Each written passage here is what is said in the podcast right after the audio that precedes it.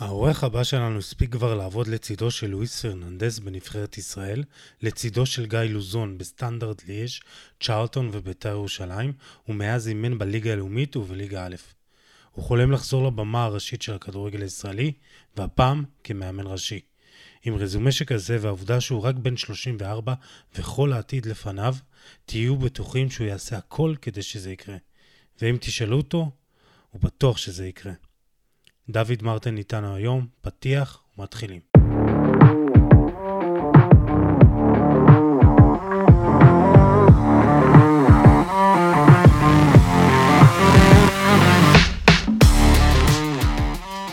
ברוכים הבאים לפרק ה-143 של חולה על כדורגל הפודקאסט.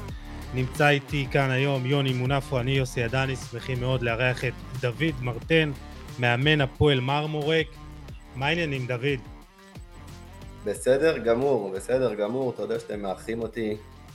אה, אמרת 34, אני בעצמי הופתעתי. חשבתי שאני פחות. מרגיש לך, מה, הרבה יותר מ... יש לך רזומה של אה, מאמן בן 45, בוא נגיד ככה. הרבה היו נכון, מתחלפים איתך. הייתי רוצה שתגיד אה, בן 29 עדיין, 30, אבל... לא, לא, אנחנו מזדקים, כן, אני 38, יוני פה 36, לא יוני? 22 כן, אחי, תוריד לי, תוריד לי. כולנו צעירים. כן, כן, אה, ותשמע, עם מה שעברת בכדורגל וזה, זה הוסיף לך איזה כמה שנים טובות. נדבר על זה לכל התחנות. כן, אה, יוני, כן, לגמרי, יוני, מה קורה? הכל טוב, ברוך השם, אחרי אתמול מכבי חיפה, שמחים לדבר על כדורגל שוב. כן, אה, מה אתה אומר על חיפה, דוד? לפני שנתחיל לדבר עליך. חוויה, פשוט פשוט אה, מועדון אירופאי לכל דבר, באמת מכבי חיפה הרשימה, מרשימה וכיף, גאווה, אני חושב גאווה לכולנו. מה, מה הכי תפס אותך, מה הכי תפס אותך בהופעה שלה, גם אתמול וגם כל הקמפיין הזה? אני חושב שהם uh, התחילו, אתה יודע, משחק ראשון, יש את ההתרגשות, בנפיקה, לאט לאט זה הלך ובאמת uh, הם העלו את הרמה שלהם ואת המוכנות שלהם ואפילו את ה... אפשר להגיד את ה... את האמונה שזה כן יכול לקרות, אה, אפילו ראינו את המשחק שבוע שעבר בטורינו, שבתנאים אחרים אולי זה כבר היה קורה שבוע שעבר, אפילו לקחת נקודה. מה שהכי תפס אותי זה באמת היוזמה, לחץ אה, לאורך 90 הדקות, ו... והאווירה באצטדיון, ובאמת אה, אפשר להגיד שהם לא נפלו מיובנטוס בשום פרמטר ואפילו היו הרבה יותר טובים, ואני באמת אני שומע הרבה על זה שיובנטוס בתקופה פחות טובה, גם אם יובנטוס בתקופה הכי גרועה שלה בהיסטוריה זאת עדיין יובנטוס ויש להם שחקנים במאות מיליונים ואנשים כנראה לא מבינים את הפער בינינו לבין מועדונים כאלה. אה, באמת, באמת שאפו למכבי חיפה, שאפו למועדון, שאפו לצוות המקצועי, שאפו לכולם. אה, לגמרי, אנחנו עוד נדבר אה, גם על סגנון הכדורגל שלך, ואתה הזכרת את העניין הלחץ, זה עוד משהו שעוד נחזור אליו גם, אה, מבחינה אישית במה אתה מאמין. נדבר על שלל התחנות שלך בקריירה, וכמו שאמרנו בפתיח, עברת דבר אחד או שניים, נדבר גם על העתיד, על כל החוויות שבעצם עברת בדרך, אבל כמו שגם אמרתי בפתיח, אתה בן 34, ועברת הרבה דברים בכדורגל הישראלי, עבדת בחו"ל, והיית נבחרת ישראל, ואני, הרבה מאוד מאמנים היו מתחלפים עם רזומה כמו שלך. אה, נדבר על שלל התחנות, אבל אם אתה יכול לחזור לאיזה תחנה אחת בקריירה, אולי לאיזה רגע מסוים, אה, מה היית חוזר? לאן היית חוזר? אה, בוא נגיד, מה שהכי תופס אותי, אם אתה מדבר איתי על רגע, זה אני אדבר על שתי רגעים. יש את המשחק אה, המפורסם של נבחרת ישראל נגד יוון בבלומפילד שהפסדנו, משחק אה, שיכל אה, להעלות אותנו ליורו. זאת אחת האכזבות הכי גדולות כאיש בתוך צוות מקצועי של נבחרת או קבוצה.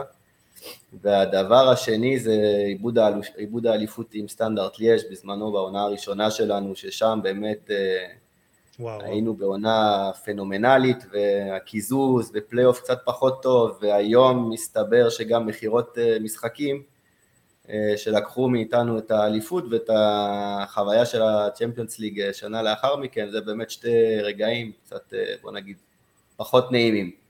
אבל לא היית חוזר אליהם כדי לתקן או מה? הייתי כאילו... חוזר אליהם, עכשיו יוצא מפה בשחייה ליש. כן. אה, אבל כן, כמובן, זה חוויות, חוויות גדולות, אה, מועדונים ענקיים, רגעים גדולים שאני שואף לחזור אליהם, ואני עובד קשה מאוד כדי לחזור אליהם בקרוב, בוא נגיד עד גיל 40. יאללה, אתה הקדמת את השאלה האחרונה שלנו, אבל בסדר. נחזור לא נורא, נחזור, נחזור טיפה אחורה ברשותך, הרי הרבה שנים אחורה, נולדת בצרפת וניסיתי להבין איפה בדיוק ואני לא זוכר, יש לציין שאני ואתה עבדנו ביחד בהפועל ירושלים, יש לציין, חשוב להגיד. כן, יש לציין, גילוי נאות, אנחנו מכירים, אנחנו נחזור לשם, אבל אני לא זוכר איפה נולדת. איפה נולדת? נולדתי בפריז. נולדתי בפריז. איפה שכולם נולדים, אתה אומר. לא כן. כולם. אה, כן, נולדתי בפריז. אה, עד גיל אה, בעצם 14 חייתי בצרפת כיהודי צרפתי לכל דבר, שלא יודע ומבין מילה בעברית, פה ושם, בחופשות. ושיחקת, התחלת לשחק כדורגל בגיל 6. התחלתי כדורגל בגיל 6, רציתי הרבה לפני אבל זה לא התאפשר. בגיל 6 עד קצת לפני צבא בעצם. תספר לנו קצת על הילדות שלך בצרפת, גם בתור, אתה יודע, יהודי, מבחינת גם אנטישמיות או יחס של, יחס ליהודים, וגם, אתה יודע, ברמה של מה זה לגדול כילד שאוהב מאוד כדורגל באחת המדינות שהכי אוהבות כדורגל. אז קודם כל אני יכול להגיד שאני אלוף עולם ואלוף אירופה בגיל 10 ובגיל 12. חוויתי את הזכיות האלה כאוהד מושבע של נבחרת צרפת. רגעים גדולים. חייתי וגדלתי בפרברי פריז עד גיל 12, בעצם בגיל 12 עברתי לפריז, לבית ספר יהודי, ששם באמת התחלתי להבין קצת מה זה אנטישמיות, לא ברמה קיצונית, אבל כן, דברים שקורים מדי פעם ודברים קצת פחות נעימים. ומבחינת כדורגל עברתי כל מיני מבחנים בקלר פונטן וגם מבחנים במועדון או שתיים. אני יכול להגיד שהייתי שחקן מוכשר, כמו הרבה שחקנים שלא פרצו, בוא נגיד שהמעבר לישראל קצת הקשה עליי מבחינת ההסתגלות לפה, הדינמיקה שאיך הדברים הולכים, השפה, היה לי מאוד קשה בשנה, שנתיים הראשונות שבקושי דיברתי עברית והיה לי מאוד קשה להסתגל. תספר לנו קצת על האקדמיות שם ועל הכדורגל, על טיפוח צעירים וכישרונות, אתה הזכרת את קלר לה פונטנה, אולי אקדמיה, אולי המפורסמת בעולם חוץ מלמסיה או אתה יודע. תראה, זה... יש שם אין ספור שחקנים, ואני מדבר רק על פריז ופרברי פריז, כנראה פי 20 או 30 ממה שיש לנו בישראל, ובאמת האפשרויות שם לגדל שחקנים הם באמת הגדולות בעולם, גדלים שם בפריז ובפרברי פריז, נראה לי הכמות הכי גדולה של שחקנים מקצוענים. שמגיעים, ל... שמגיעים ל... להיות שחקנים מקצוענים בסופו של דבר. אמ, תחרות שם היא מאוד מאוד קשה כבר בגילאים הצעירים. אתה מתמודד הרבה פעמים עם אה, שחקנים מאוד פיזיים, מאוד חזקים כבר בגיל, אני יכול להגיד לך 10, 11, 12 מהזיכרון שיש לי באמת. אמ, כדורגל ברמה גבוהה מאוד. אבל אה, אני חושב שכשעשיתי לפה את המעבר, דווקא מבחינת הכמות אימונים, אה, מבחינת התכנים אולי קצת פחות, אה, קצת היה ברמה קצת יותר נמוכה, אבל עוד פעם, אני חושב שדווקא בגילאים הצעירים אנחנו לא נופלים בהרבה מבחינת ה... הכמות האימונים שיש, אני זוכר שהייתי בגיל פה בנערים ג' עליתי אם אני לא טועה, כבר ארבע אימונים בשבוע, שזאת כמות ש... יותר גבוהה ממה שהיה לי בצרפת. אז איך אתה מסביר ששם גדלים, וזה אולי זה מתקשר למה שכזה רציתי לשאול אותך, כי אה, קראתי ממש לאחרונה, וגם יש את הציטוט הזה של ריאד מאחז שגדל בפרברי פריז, שפשוט ילדים שם משחקים כדורגל כל היום, אה, ברחובות, בתנאים לא תנאים, במגרשים אספלט, אה, חול, אתה יודע, כל דבר אפשרי, ושם בעצם הם מקבלים את, ה, אה, את החספוס הזה, את הטכניקה כן. שיש להם, אז, אז יכול להיות שמשם יש את ההבדל בינינו לבינם? תראה, אני חושב שזה גם היה נכון אה, בישראל אה, עד לא מזמן, זאת אומרת, בוא נגיד עד לפני 15-20 שנה, עד לפני עידן הפלאפונים והמחשבים. הרבה יותר צעירים היו משחקים כדורגל בחוץ, אני חושב שגם היום זה הולך ויותר נעלם בצרפת, אבל אני חושב שיש כמות כל כך גדולה פשוט של שחקנים שמשחקים שם, שגדלים כל כך הרבה כישרונות, וכמובן הם יודעים לזהות את הכישרונות האלה, וכמובן שיש הרבה מועדונים שיודעים לטפח את הכישרונות האלה ומשקיעים הרבה מאוד בכישרונות האלה. אז כמובן שבסוף אה, אנחנו רואים איך זה מגיע בטופ של הפירמידה של נבחרת צרפת, שהם יכולים להעמיד ארבע נבחרות ברמה הכי גבוהה שיש אה, בכל, אה, בכל סיטואציה, בכל מצב. אני חושב פשוט שכמות השחקנים שיש שם, ו... אה, היא פשוט עצומה. אה, אני חושב שמתחילים פה לראות אה, הפירות של העבודה שעושים מהגילאים היותר צעירים, אם זה בהתאחדות או אם זה במועדונים הגדולים. יש לנו פער עדיין, אני חושב, גדול מאוד במועדונים הפחות גדולים, מבחינת מתקנים ומבחינת איכות האימונים והתכנים שהילדים מקבלים, בסוף, בסופו של דבר זה הכי חשוב, לדעתי, מהבחינה הזאת לגדל שחקנים עם, עם איזה מאמן ועוזר מאמן שעברו דבר או שתיים ושבאמת יודעים ויכולים ללמד שחקני כדורגל ואתה יודע ומכיר ועבדת במחלקות נוער, לא תמיד התנאים הם אידיאליים, אם זה מבחינת המתקנים, אם זה מבחינת לעבוד בחצי מגרש או ברבע מגרש, אז אנחנו לוקים בכל מיני דברים, אני חושב, בגילאים הצעירים, אה, שאני מאמין שישתפרו בעתיד. אני, אני גם מקווה. אני גם מקווה. אה, עלית ל- לישראל, לנתניה, בגיל 14, איזה תפקיד שיחקת? שיחקתי כנף ימין. היית טכני, מהיר כזה, או מה? הייתי מהיר, כן. טכני גם, אה, כן, שיחקתי חלוץ גם בשנים שנים קודמות, עברתי לכנף דווקא בגלל המהירות, היה לי רגליים ארוכות, אז... אתה קצת מזכיר את הרקע שלי, אני נולדתי בארגנטינה, עליתי לארץ בגיל 10, אני רואה את עצמי ישראלי חוץ מכדורגל, בכדורגל אני 100% ארגנטינאי. אם אה, מחר ארגנטינה נגד ישראל? ארגנטינה עד הסוף, עד הסוף, ברור. ומפה באה השאלה אליך, איך אתה רואה את הסיכויים של... אה, איך אתה מגדיר את עצמך קודם כל, ואיך אתה רואה את הסיכויים של נבחרת צרפת פה במונדיאל שמתקרב? אז אני חייב להגיד שאם זה משחק אה, קובע, אני היום אהיה בעד נבחרת ישראל, כי אני אומר, המשחקים הבאים, צרפת ינצחו. הנה, אתה רואה, אתה רואה זה, יוני? רגע, זה בן אדם, אה, פטריוט. אם זה גמר, אם זה גמר יורו. אם זה גמר יורו, חד וחלק נבחרת ישראל, חד וחלק. לשאלה השנייה. לצערי, אני לא רואה את הסיכויים של נבחרת צרפת מאוד גדולים במונדיאל. אה, אני חייב להגיד שכמאמן למאמן אני לא מאוד מחזיק מדידיה דשאן.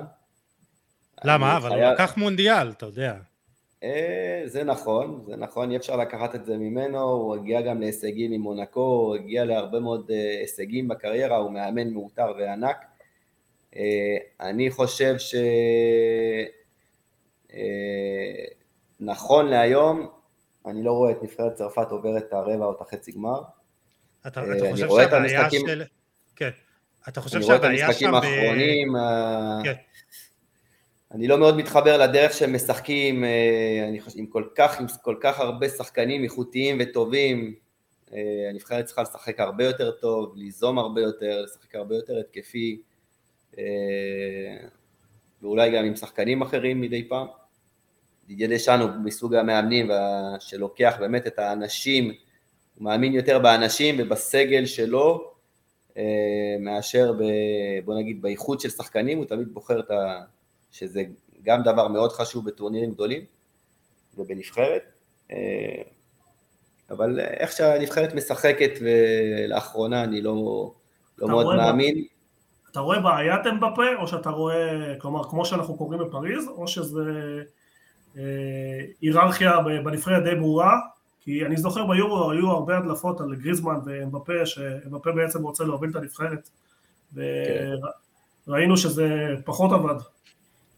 אני חושב שבנבחרת צרפת ההיררכיה היא מאוד ברורה, אמבפה זה הכוכב, אה, אמבפה ובנזמה שהם מסתדרים אה, טוב מאוד ביחד, אה, בפריז זה אחרת לגמרי, גם עם הסיפור של התפקוד שלו במגרש, שהוא משחק רק תשע בפריז, בנבחרת צרפת הוא הרבה יותר חופשי לשחק באגפים, הרבה, הרבה יותר חופשי אה, לשחק לצד בן זמה, זאת אומרת אה, יודעים לשחק אחד עם השני, אה, אז אני חושב שנבחרת צרפת דווקא הוא ייתן את התרומה שלו, וכמו שאני אומר, נבחרת צרפת היא לא מאוד טובה כרגע, אבל עם האיכות שיש להם, הם יכולים לנצח כל נבחרת בכל יום נתון, ככה שזה באמת, אני חושב שיש להם את הסיכוי לקחת את המונדיאל, אני לא מאוד אופטימי לגבי העניין הזה. אבל.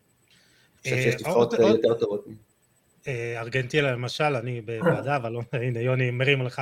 אה, בוא, שאלה אחרונה לגבי אמבפה, כי באמת יוני פתח וזה מעניין. אתה חושב שבשנה האחרונה הוא איכשהו מקלקל, או מתחיל לקלקל את המורשת שהוא רוצה להותיר אחריו? אני חושב שהוא היה צריך לעזוב.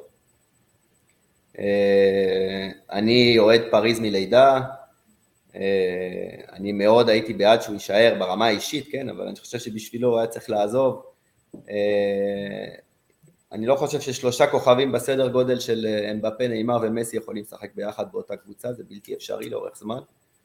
אנחנו צריכים שתי כדורים בשביל השלושה שחקנים האלה, אז אנחנו משחקים רק עם כדור אחד, אבל אמבפה, גם אסור לשכוח שהוא בן 22, הוא ילד שמרוויח מאות מיליונים ו... שכל צרפת מאחוריו הייתה מאחוריו כדי שהוא יישאר, מהנשיא ועד לכל בן אדם אפשרי, בגיל הזה אני יכול להבין שיש לו תקופות שהוא יכול להתבלבל מדי פעם ומבחינה תקשורתית לדעתי הוא עושה כמה טעויות בתקופה האחרונה. אבל אסור לשכוח שבסוף זה ילד בן 22 שהוא כוכב ענק ויש תקופות פחות טובות למרות שהוא עדיין מספק את המספרים למה שאנחנו מצפים ממנו, ואני חושב שעוד שנתיים שלוש הוא יהיה הכוכב הבלתי מעורר מהכדורגל העולמי, אולי הוא ואלן ביחד, לפי מה ש... איך שזה נראה כרגע, אסור לשכוח שהוא רק בן 22, אה, הוא משחק בקבוצה ענקית, הוא מרוויח המון המון כסף, אה, כל קבוצה בעולם רוצה אותו, זה לא דבר שפשוט גם להתמודד איתו, צריך, צריך לזכור בסוף שמדובר בבן אדם. אה, אני מאוד בעדו, מאוד אוהב אותו, ואני חושב שמעבר היה עושה לו טוב.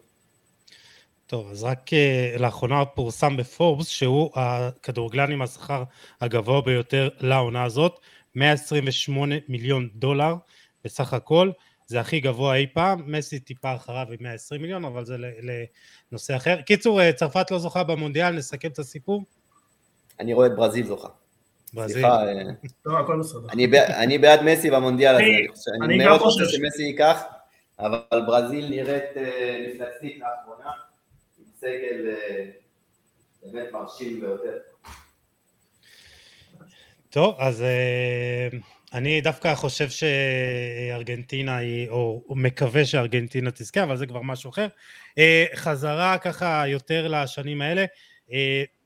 חזרת לישראל, נתניה, קשיי התאקלמות, הזכרת את זה קצת בקטנה, אה, אחרי שלוש שנים הפסקת לשחק, באיזה שלב אתה מבין ששחקן כבר לא, לא יצא ממך? אה, אחרי שקראתי צולבת. אה, אוקיי. שזה קש שעבר את גב הגמל, כמו שאומרים. היה לי איזה רצון לחזור לשחק, ו... אבל מהר מאוד הבנתי שזה, שזה לא יקרה. לא יכולת, לא אה, יכולת להתאושש מבחינה פיזית, מנטלית, מה בדיוק היה שם? היה לי גם צולבת, גם רצועה צידית, גם מניסקוס, באמת לקח לי, הייתה לי החלמה מאוד ארוכה. וכבר הגעתי לגיל שאני מבין שזה כנראה כבר לא יקרה, אתה יודע, אלא אם כן אולי לשחק ברמות נמוכות, אבל זאת לא הייתה המטרה בסופו של דבר. אז די ויתרתי על החלום. ויש לי פה איזה, אה, עד גיל 21 מה אתה עושה? עוד מעט נגיע לגיל 21. עד גיל 21 אני בצבא. אני מגיל 18 עד גיל 21 אני בצבא. כמו כולם, התחלתי בתותחנים, בקרבי, אה, ועברתי לג'וב קצת יותר, אה, בוא נגיד, יומיות, אחרי שנה וחצי. אה, חלמת על כדורגל בתקופה הזאת? כן, מה, מה אתה עושה? כאילו איפה הכדורגל? לא, מבחינת הכדורגל, חלמת או שזה... הכדורגל היה בצד לגמרי, היה לגמרי בצד, נשאר כמובן אוהד, רואה כדורגל, שרוף על כדורגל, אה, שמתי אותו בצד, כי כמובן אה, החלום כבר היה קצת מאחוריי, ובאמת בסוף, אה, אחרי שהשתחררתי פתאום, אה, פתאום קיבלתי, בוא נגיד, פנייה לא צפויה, משהו ש... מרץ 2010? בדיוק, משהו שהחזיר אותי למסלול של הכדורגל, לפני מרץ אני חושב, אם אני לא טועה. אז לא ספר לא לנו באמת, אתה, אתה ככה חייל משוחרר, אה, אתה יודע, שיחקת כדורגל, אתה מבין כדורגל, אבל פתאום אתה מקבל הצעה לשמש כמתורגמן של לואיס פרננדס בנבחרת, ככה זה היה, אמרו לך בוא תהיה מתורגמן, איך בכלל זה קורה? אז אני צריך להבין שלואיס אה, היה בקדנציה בביתר לפני זה, אני לא הייתי איתו בקדנציה הזאת בביתר, כולם גם שואלים אותי כל הזמן, אז אני לא הייתי איתו בקדנציה הזאת בביתר, אה, ומי שהיה איתו בקדנציה בביתר אה, חזר כדי להיות איתו בנבחרת, ולואיס חיפש מישהו אחר. מישהו שקצת יותר אה, מבין כדורגל, מחובר לכדורגל, אה, אה, ואני מקבל שיחת טלפון יום אחד מחבר, מכר. ש... מי זה יוני קריאף הזה? לא, מסטפן okay. אוקיי. קלבו. אוקיי. Okay. שהוא היה אחראי כל הצד התקשורתי של לואיס, עם התקשורת הצרפתית וכדומה, ואני מקבל שיחת טלפון שלואיס מחפש מתורגמן ומישהו שיעבוד לצידו בתקופה שלו בנבחרת. אה, והוא רוצה שניפגש, וכדי לראות אם זה מתאים מבחינת אה, לואיס. וכמובן שאל אם אני רוצה, אני כאוהד פריס סן ג'רמן בשבילי לואיס פרננדז. ברור, מתי, לא, מתי חותמים, איפה, מה, זה, כן. אני לא, לא, לא הספיק לשאול את השאלה, כבר הייתי בדרך להתאחדות בכדורגל ברמת גן, אה, ונפגשתי עם לואיס, אני חושב, שלושה ימים לאחר מכן, במשרדי ההתאחדות, במשרד שלו, בהתאחדות לכדורגל, אה, פגישה בארבע עיניים, אני והוא במשך, אה, בוא נגיד רבע שעה, אנחנו מסיימים את הפגישה והוא פשוט אומר לי, קדימה, מתחילים לעבוד, יש לנו מסיבת עיתונאים עוד חצי שעה. אני... רגע, אבל אני חייב להתעכב על זה, על, ה, על הפגישה הראשונה. אתה כאילו אוהד כן. פריס סן ג'רמן, אתה צרפתי, גדלת גם על לואיס פרננדס, אתה יודע, היה שחקן ענק, זכה ביורו עם, אה, עם, אה, עם הנבחרת, כוכב פריס סן ג'רמן, מאמן פריס סן ג'רמן, פתאום אתה נכנס איתו לאותו חדר, אתה זוכר את, ה, את הרגע הזה שאתה נכנס איתו ונמצא איתו באותו חדר של לואיס פרננדס הגדול? אני ב... באמת, כמו ילד, ילד קטן, ממש מתרגש ו... הצלחת לדבר? גמגמת? מה, כאילו... אני לא זוכר להגיד לך בדיוק מה היה, כנראה זה נמחק לי מהזיכרון, מרוב ההתרגשות, אבל אה, כן, הייתה שם אה, התרגשות אה, גדולה, מאוד מאוד כיבדתי אותו, זאת אומרת הייתי ממש מופנת ממנו, יש לו גם מי שמכיר וקצת פגש את לואיס, שהיה בישראל יש לו גם איזה סוג של אורה כזאת, הוא מאוד מושך אנשים.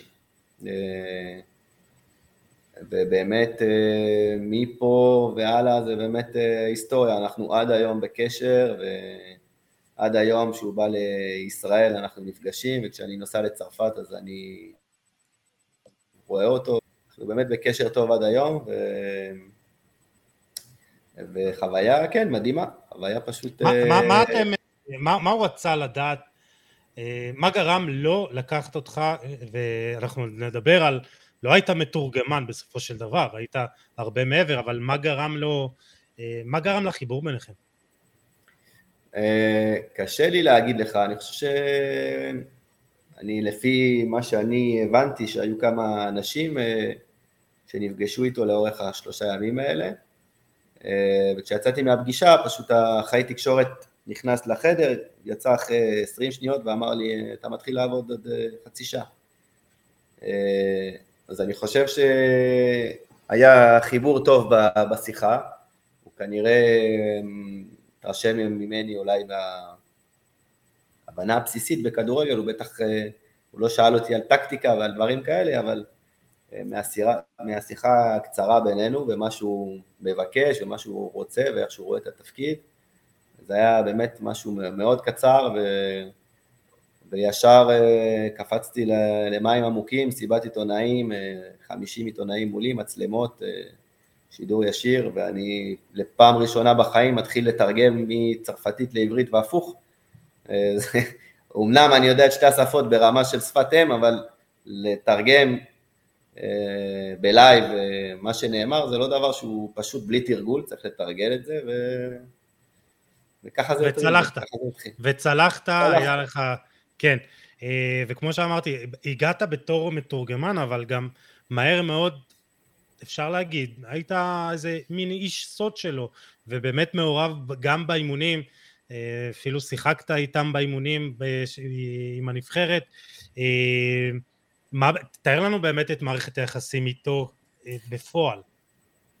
אמ, בפועל, בוא נגיד שכמו שאמרת, התחלתי ממש כמתורגמן של תגיד לו, אני זוכר את המשפט הזה, תגיד לו ש... אה, כי הוא לא מדבר מילה באנגלית, צריך להגיד, הוא מדבר ספרדית, שפת אם, בצרפתית, אבל אנגלית שרוב האנשים יכלו לתקשר איתו, הוא לא דיבר, אה, ובקושי הבין, ככה שזה היה אה, כמעט כל שיחה כל הזמן, חוץ מלפעמים עם טל בנין שגם דובר צרפתית, זה היה דרכי. אה, אז באמת ככה לסיפור קצר, פעם ראשונה שאנחנו בזימון הראשון, שאנחנו מזמנים שחקנים, פעם ראשונה שלי בעצם, הוא יושב עם טל בנין, בחדר ואומר לי, טוב, עכשיו אנחנו יושבים על הרשימת שחקנים, אה, תצא ותחזור עוד אה, שעה. אוקיי, בסדר גמור. אה, וזאת הייתה הפעם הראשונה, אבל כמה חודשים לאחר מכן הוא היה שואל אותי מי להערכתי צריך לפתוח בהרכב ומי להערכתי לזמן ומי ברמה כזאת באמת של יד ימינו ובאמת שואל את דעתי על כל דבר, שזה מאוד מאוד החמיא לי. אה, כמובן, והיינו מאוד קרובים ברמה שאם אני לא הייתי זמין אה, באותו יום או משהו כזה, הוא פשוט לא, לא היה יוצא לפגישות או לא היה מגיע, או היה לו לו"ז, היה לו לו"ז אה, מאוד צפוף. הוא היה גם, היה לו גם תוכנית רדיו כל יום במשך שעתיים. הוא היה טס פעמיים הלוך חזור בשבוע לצרפת וחוזר. היינו הולכים לראות משחקים ביחד, הרבה מאוד אנשים רצו להיפגש איתו, אם זה אה, מאמנים, אנשי תקשורת, אה, זה היה, כשהיו לו את הימים שלו בישראל, אה, היה לו לו"ז די עמוס.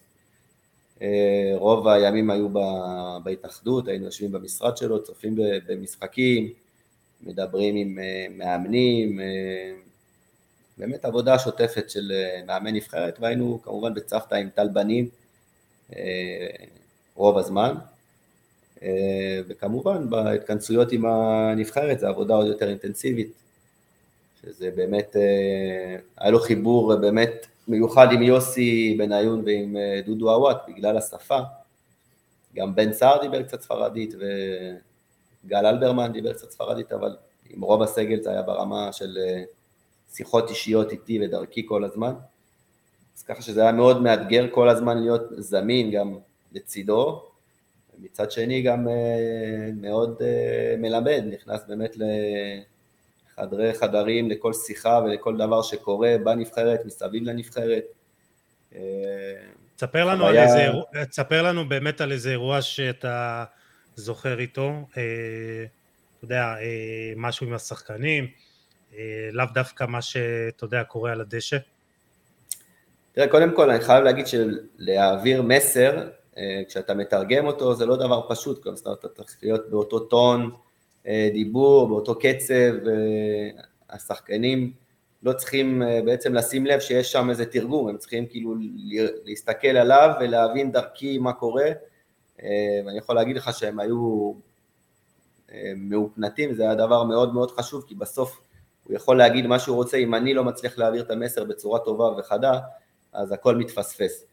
אמ, אז אה, ברמה הזאת זה היה באמת אה, מאתגר, יכול להגיד לך שהיה אה, סיפור פעם אחת, הוא ידע שאני שיחקתי כדורגל וזה שתורגלתי כמגן ימני באחד האימונים, וישר כותרות ב...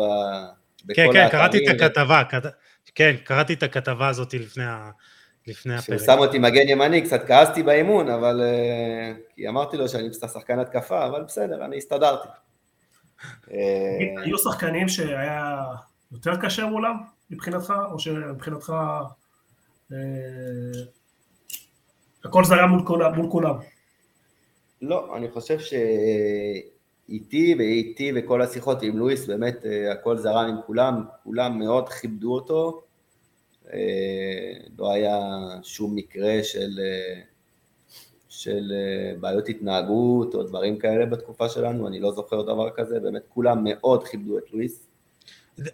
תאר לנו אותו כמאמן, איזה, מה מייחד אותו כמאמן? הצד הטקטי, הצד האנושי, ניהול שחקנים, אנשים?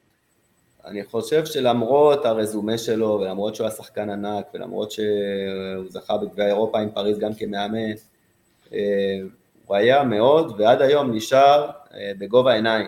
זאת אומרת, אה, גם השיחות עם השחקנים, תמיד בגובה העיניים, ותמיד אה, דואג ושואל לשלומם, ובאמת מתעניין, וברמה האישית הם מאוד מאוד אהבו וחיבבו אותו. בשיחות הוא היה דואג כל הזמן להתקשר לשחקנים שמשחקים בחו"ל, וכל הזמן להיות איתם בקשר. אני חושב שב... מה שהתפספס לו קצת כמאמן נבחרת, אם היום אני מסתכל אחורה בדיעבד, זה התפיסה של איך להעביר את המנטרה, זאת אומרת, את האני מאמין שלי כמאמן נבחרת וכמאמן קבוצה היא מאוד מאוד שונה, כי במאמן נבחרת יש לך שתיים, שלושה אימונים כל התכנסות, לעבוד עם, ה, עם הסגל, ואני חושב שה... הכל, הכל צריך אה, בסוף להיות מאוד מרוכז ולהיות מאוד מתומצת ברמה הטקטית וברמה באמת ההכנה נטו של, ה, של המשחק עצמו, והוא קצת ראה ראייה קצת יותר מרחבית ברמה הטכנית וברמה הליקויים אה, של שחקנים כאלה או אחרים, הוא באמת ראה ראייה קצת יותר מרחבית וקצת יותר גלובלית של איך לשפר את הכדורגל הישראלי לפעמים, אה, וזה למה גם הוא עשה, ניסה לכנס אה, הרבה פעמים אה, סוג של מחנה אימונים של שחקנים ישראלים, והיו אומרים למה הביקורות, זה... כן, בדיוק. אחת הביקורות זה היה כמות השחקנים שהוא אה, זימן, כמות גדולה מדי, אז אה, אתה יודע, אה, מה, מה הייתה המטרה שלו? רצה לבדוק כמה שיותר שחקנים? קודם כל, גם הכמות זימונים הייתה, הרבה מהשחקנים הם היו לשחקנים של, שבאו לסוג של מחנות אימונים בארץ, עשינו כל מיני דברים כאלה, איזה יום, יומיים במהלך אה, תקופות מסוימות, זה לא באמת היה עכשיו זימונים, זה היה באמת כדי נטו לראות את השחקנים מקרוב, שחקנים שהם בסגל, בוא נגיד, המאוד רחב של ה-30 או 40 שחקנים שהוא שם לעצמו שהוא ראה שהם יכולים כן אולי להשתלב בנבחרת ולראות אותם פשוט מקרוב באימונים אה, כדי להכיר אותם ולראות באמת מה, מה הרמה שלהם פחות או יותר. זה נכון ש... שאולי היו לפעמים אה, שחקנים שזומנו אחרי לא מספיק בוא נגיד תקופות טובות, ממושכות בליגה או כשחקנים אז היו ביקורות, זה נכון. אני חושב שבסופו של דבר... אה, איך הוא התייחס? תרגמת לו את הביקורות האלה? כן, הוא מאוד רצה להבין, הוא מאוד רצה לדעת, הוא מאוד התייחס לביקורות ולמה אומרים ואיך אומרים, וזה אה, מאוד עניין אותו, מאוד סקרן. מהצד זה נראה שהוא טיפוס, אה, לא רוצה להגיד נרגז או עצבני, או אתה יודע, חם מזג בוא נקרא לזה, איך אתה, כן. איך אתה רואה את האופי שלו, את האישיות שלו, מעבר ל, ל, ל, למה שאמרת, כלומר, האם מה שאנחנו רואים מהצד אה, זה משקף אותו, או שזה... אה, איך אתה רואה את הדברים האלה? דווקא אני לא, אם אני חושב על לואיס, אני לא חושב עליו כחם מזג או כזה, כמובן שהוא טיפוס אה, שגם יכול לעלות לו, אבל באמת ברמה, ברמה הכוללת היה מאוד רגוע ומאוד שלו ומאוד מאוד אכפתי כלפי הסביבה, בוא נגיד, ואני לא חושב שמה שרואים מבחוץ זה מה שבאמת היה, לפעמים עם התקשורת, בגלל הביקורות ובגלל שהוא היה כל הזמן רוצה לדעת וקורא ומתעניין, אז uh, הוא לא אהב לשמוע ולקרוא את הביקורות, uh, וזה מה שאולי כלפי חוץ נתן את התחושה שהוא הרבה פעמים מתרגז והרבה פעמים תקשורת, כעס על הביקורות. Uh, היה אפילו פעם אחת שהוא, אני זוכר סיפור, אני לא זוכר על מה זה היה, אבל עם דקל קינן, uh, היה רשום משהו על דקל, uh, והגענו למסיבת עיתונאים עם העיתון עצמו, ואני לא זוכר בדיוק את הסיפור על דקל, אבל הוא מאוד היה ערני למה שקורה מסביבו מבחינה תקשורתית. מה, היה חשוב לו לשמור על הכבוד של השחקנים? כאילו מה, הוא התרגז שמשהו שם היה רשום לא נכון, או אתה יודע, ירד על השחקנים?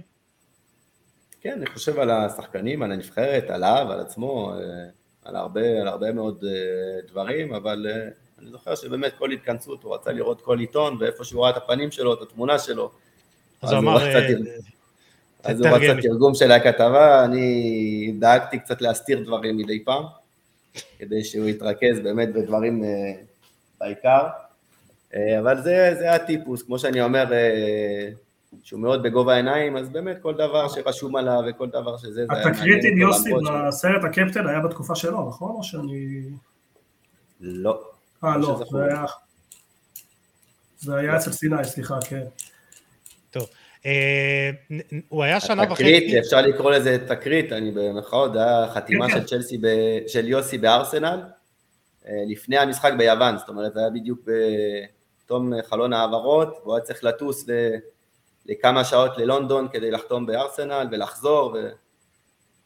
הוא לא ראה את זה בעין יפה?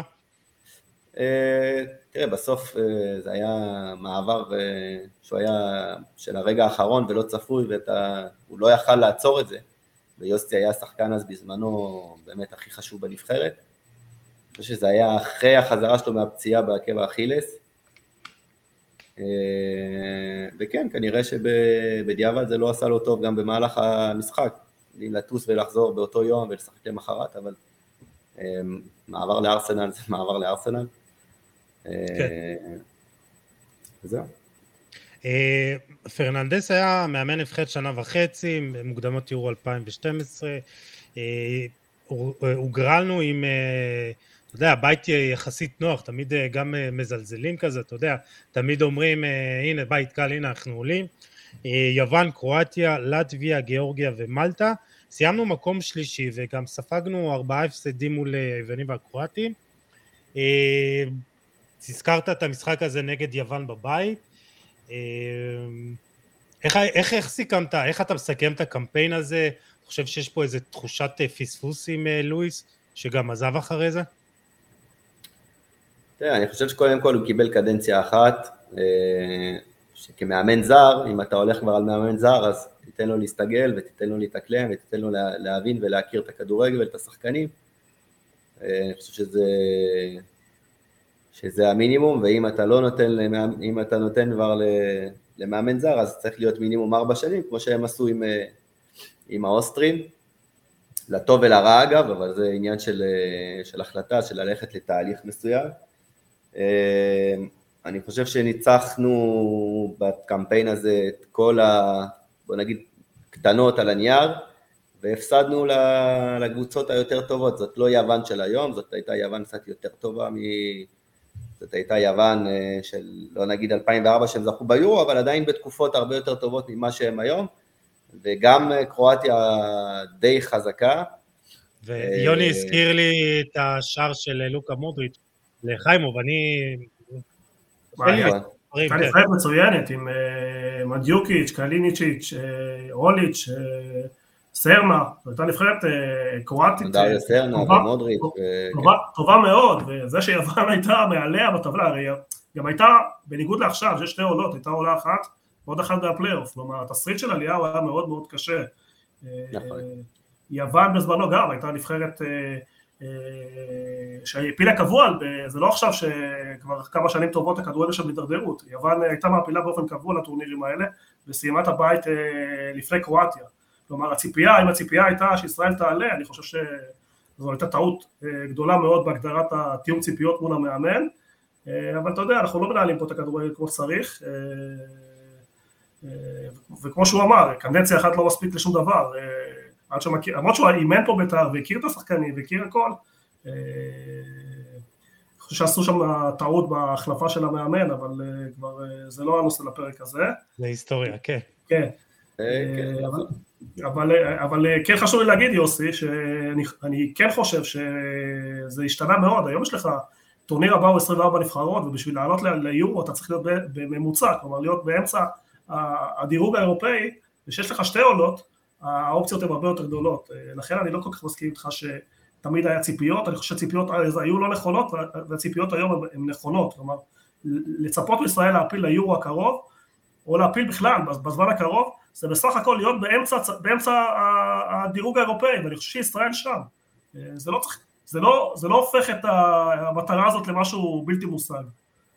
וגם ביורו הצעירות שתכף נגיע ללוזון שהוא הפיל היורו הצעירות גם גדל מ-8 ל-16, כלומר סביר להניח שאנחנו נראה יותר נבחרות עולות, זה לא, זה לא צריך לסתור את כל ההיסטוריה, שההיסטוריה הייתה מאוד קשה לעלות, לעלות בבית עם קרואטיה יוון זה לא ריאלי יוסי, זה פשוט לא ריאלי.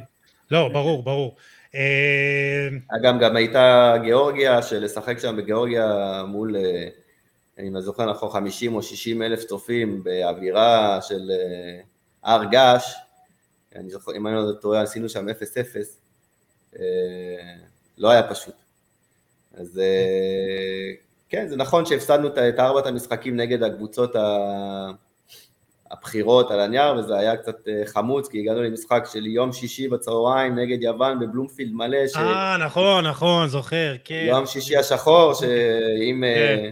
היינו, אני חושב, מנצחים, אז היינו כבר בפלייאוף כמעט. אבל בסופו של דבר, מקום שלישי הוא היה המקום הריאלי, אם אנחנו היינו מסתכלים על הבית בצורה אה, בלי אינטרסים, בוא נגיד, בלי, כן. בלי להיות אוהד של נבחרת כזאת או אחרת, אני חושב שישראל סיימה במקום הריאלי שלה. אה, וכמו שאמרתם, היום זה סיפור אחר לגמרי. מי שכבש את השער היה ניניס, שציפו לו עתיד נכון. גדול. אה, מסי היווני, כן. כן, עוד פעם.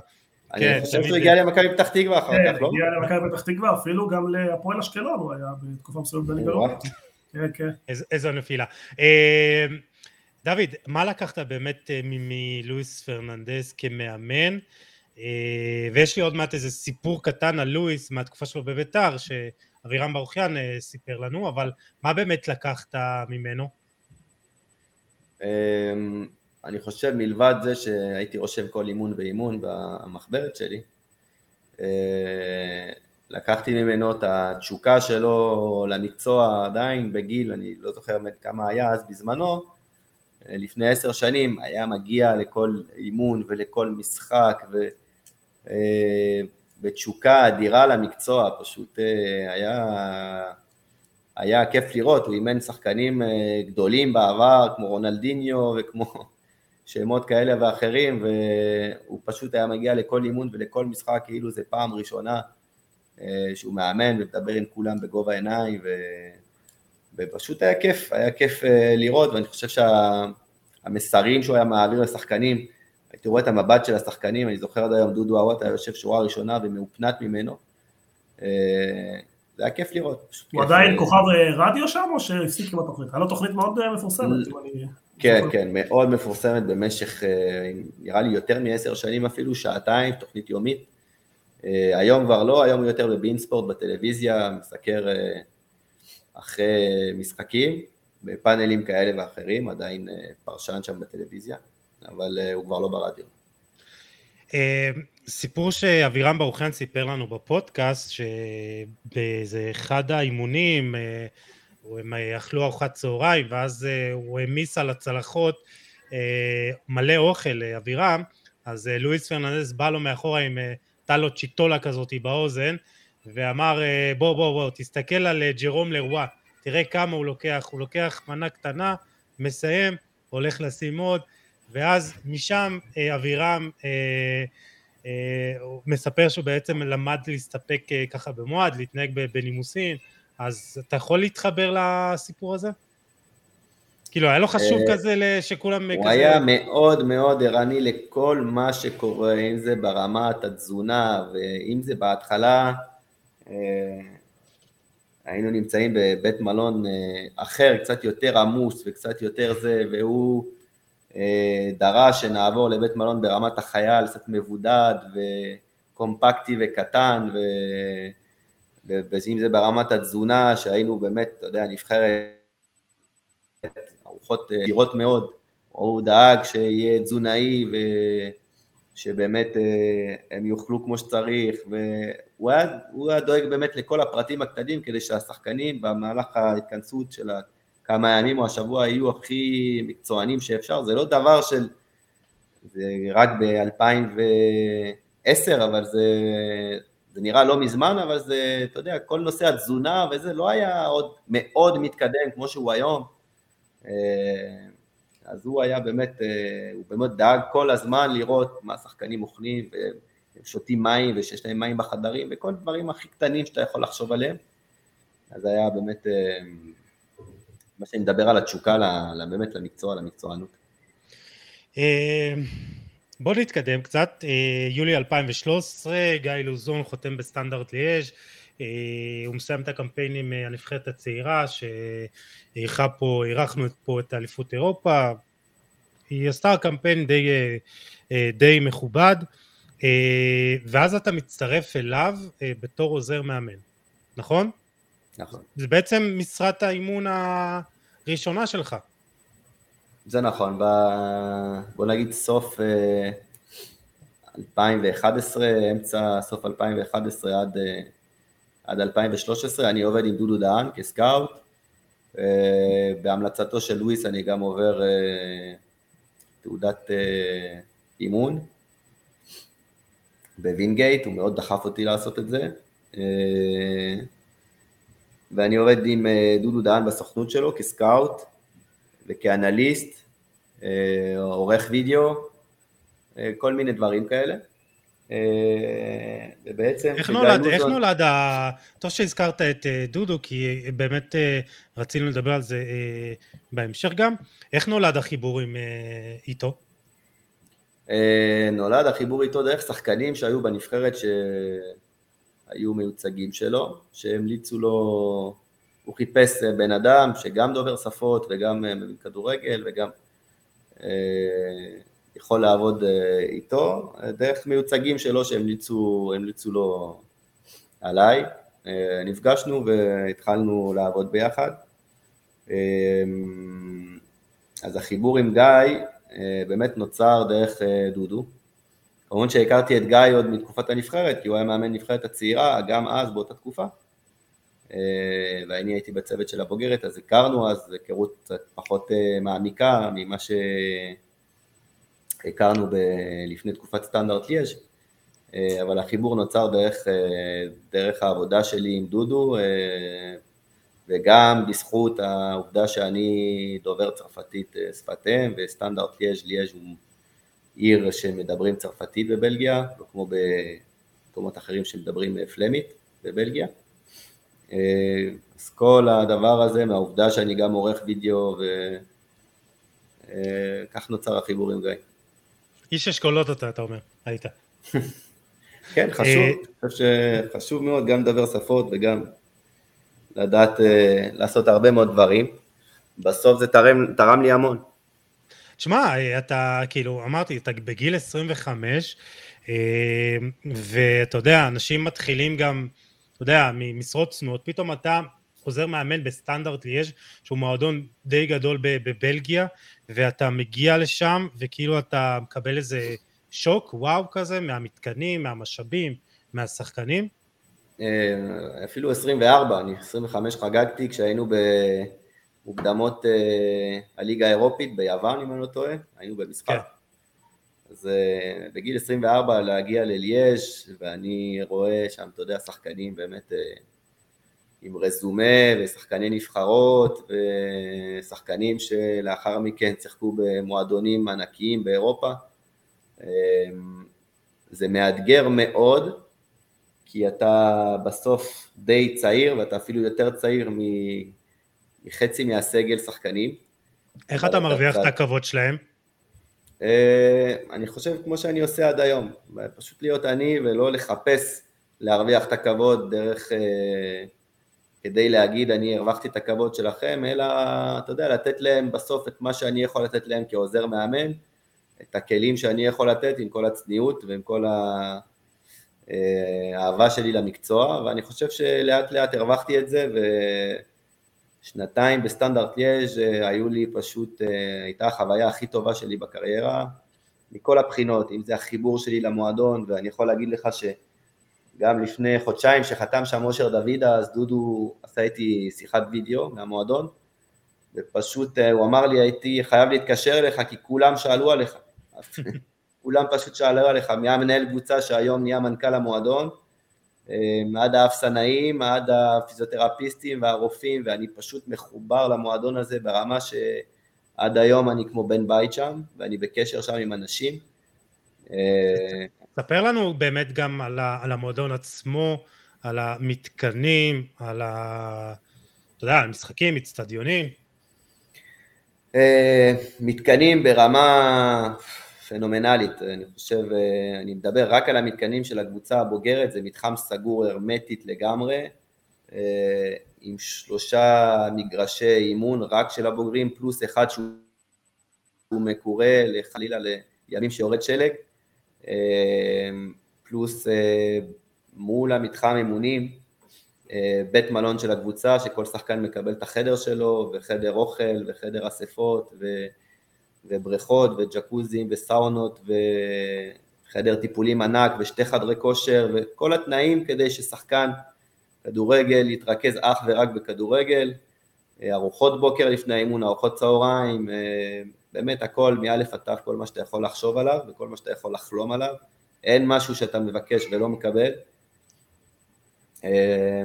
פשוט כיף, תענוג, באמת אתה שם מבין מה זה הכדורגל ברמות הגבוהות ולמה אנחנו קצת מאחורה בקטע הזה. זהו, כי, כי הרבה, אני לא יודע אם הרבה, אבל יש אולי איזה נטייה לזלזל בליגה הבלגית. אתה יודע, זה לא סקסי כמו עכשיו תצא לספרד, אה, אה, לא יודע מה, איטליה או איזה ליגה חזקה אחרת. אה, סך הכל ליגה הרבה יותר, אתה יודע, אינטנסיבית, שחקנים הרבה יותר טובים, שחקנים מתקדמים שם לליגות בכירות יותר. רק אתמול אה, עשינו את הפרק אה, סיכום אה, יוני עם אושר אבו והוא סיפר על הליגה הבלגית שעד כמה שמה גם השחקן הישראלי נחשב פחות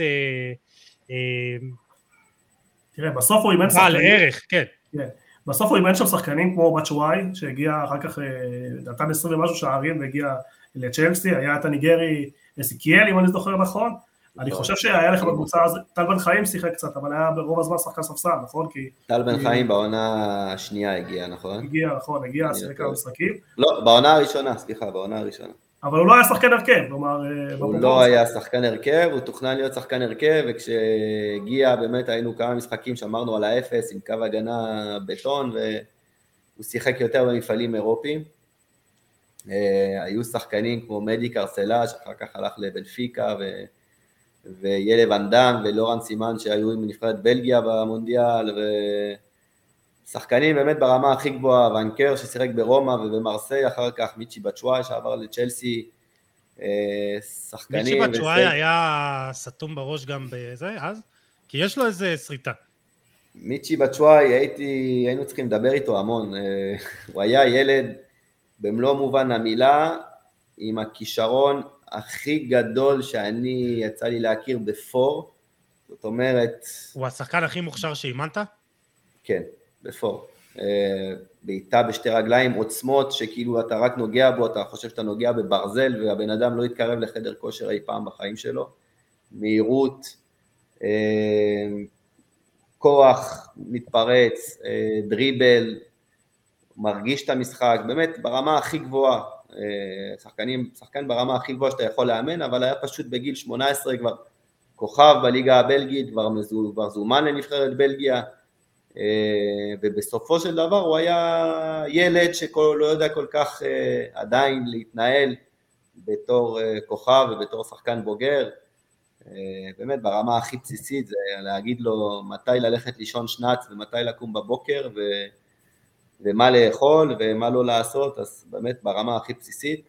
מה שכן לא היה לו וכן, אני זוכר שעבדנו איתו המון זה משחק ראש, ואחרי זה שהוא עבר מסטנדרט למרסיי וכל פעם שראיתי, ושראיתי את הגול הראשון שהוא הבקיע בנגיחה אז הרגשתי קצת גאווה בתוך תוכי, כי הייתי פשוט זורק כדור והיה נוגח ככה על גדר, הוא באמת, באמת לא ידע לנגוח, עשינו את זה מאפס.